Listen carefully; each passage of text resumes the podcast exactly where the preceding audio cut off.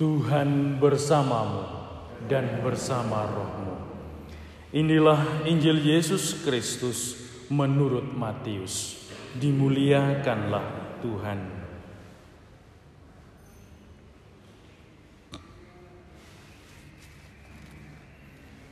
Dalam khotbah di bukit, Yesus berkata, "Janganlah kamu memberikan barang yang kudus kepada anjing, dan janganlah kamu melemparkan mutiaramu kepada babi, supaya jangan diinjak-injak dengan kakinya, lalu babi itu berbalik mengoyak kamu. Segala sesuatu yang kamu kehendaki diperbuat orang kepadamu, perbuatlah demikian juga kepada mereka. Itulah isi seluruh hukum Taurat dan kitab para nabi.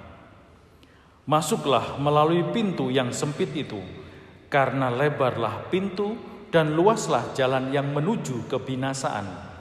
Dan banyak orang telah masuk melalui pintu dan jalan itu.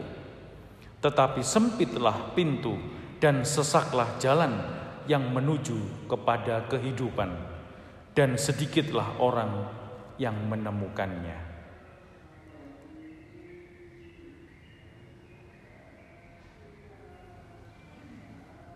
Demikianlah Injil Tuhan, terpujilah Kristus. Para saudara terkasih, kalau masih ingat Injil hari Minggu, masih ingat toh? Yesus bersama para muridnya menyeberang Danau Galilea, naik perahu ditimpus berombak besar lalu ketakutan dan Yesus hanya bertanya kepada para murid mengapa kamu demikian takut mengapa kamu tidak percaya kemarin ada satu sisi jawaban masih ingat kenapa kita Yesus itu seolah-olah tidak peduli pada penderitaan pekesusahan kita supaya kita belajar memperhatikan orang lain. Supaya pada saat kita mengalami hal-hal yang berat, kita tidak sibuk dengan hidup kita sendiri, tetapi keluar memperhatikan orang lain. Nah, hari ini juga sama nih. Segala sesuatu yang kamu kehendaki diperbuat orang kepadamu, perbuatlah demikian juga kepada mereka. Lah kalau saya lagi susah, Rom, masa saya harus juga bantu orang?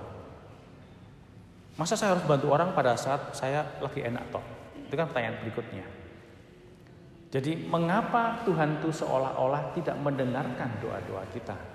Karena kita perlu belajar untuk memperhatikan, memperhitungkan hidup orang lain juga dalam hidup kita. Dan belajar tidak hanya oh iya diperhatikan manggut-manggut dok. Kasihan deh ya. Iya, dibicarakan, dibicarakan tapi tidak ada langkah berikutnya. Maka langkah berikutnya ini, segala sesuatu yang kamu kehendaki per, diperbuat orang kepadamu, kepada kita, perbuatlah itu kepada dia. Ada orang yang apa? Uh, katakan di situ ya, masuk ke gereja gini, kesandung, gedebuk gitu, tiba gitu, Pasti noleh semua kan, noleh semua, gitu. Kira-kira yang dialami orang itu apa? Yang dirasakan dia apa kira-kira? Dia bawa anak nangis, lari sana lari sini. Kira-kira kalau jenengan lihat ke dia semua, yang dirasakan dia apa? Malu, takut. Yang dia pingin, orang itu pingin jenengan buat ke dia apa kira-kira? Kalau jenengan dari dia, jenengan pengen apa orang lain buat ke dia? Mengerti. Nggak usah noleh-noleh lah. Satu, kedua, ngajak anak juga, ayo dek sini dek.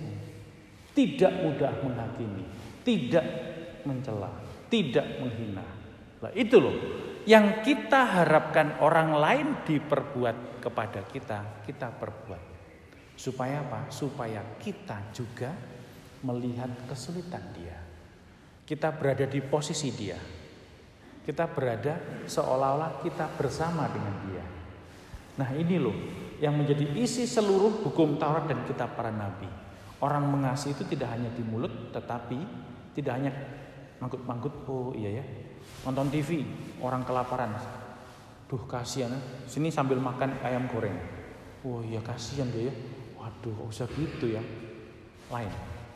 Maka ada sesuatu yang perlu kita buat. Ini loh. Nah sekarang hari ini coba bertanya kalau gitu. Apakah orang lain punya tempat dalam hidup kita? Gak hanya digosipkan, gak hanya jeleknya saja.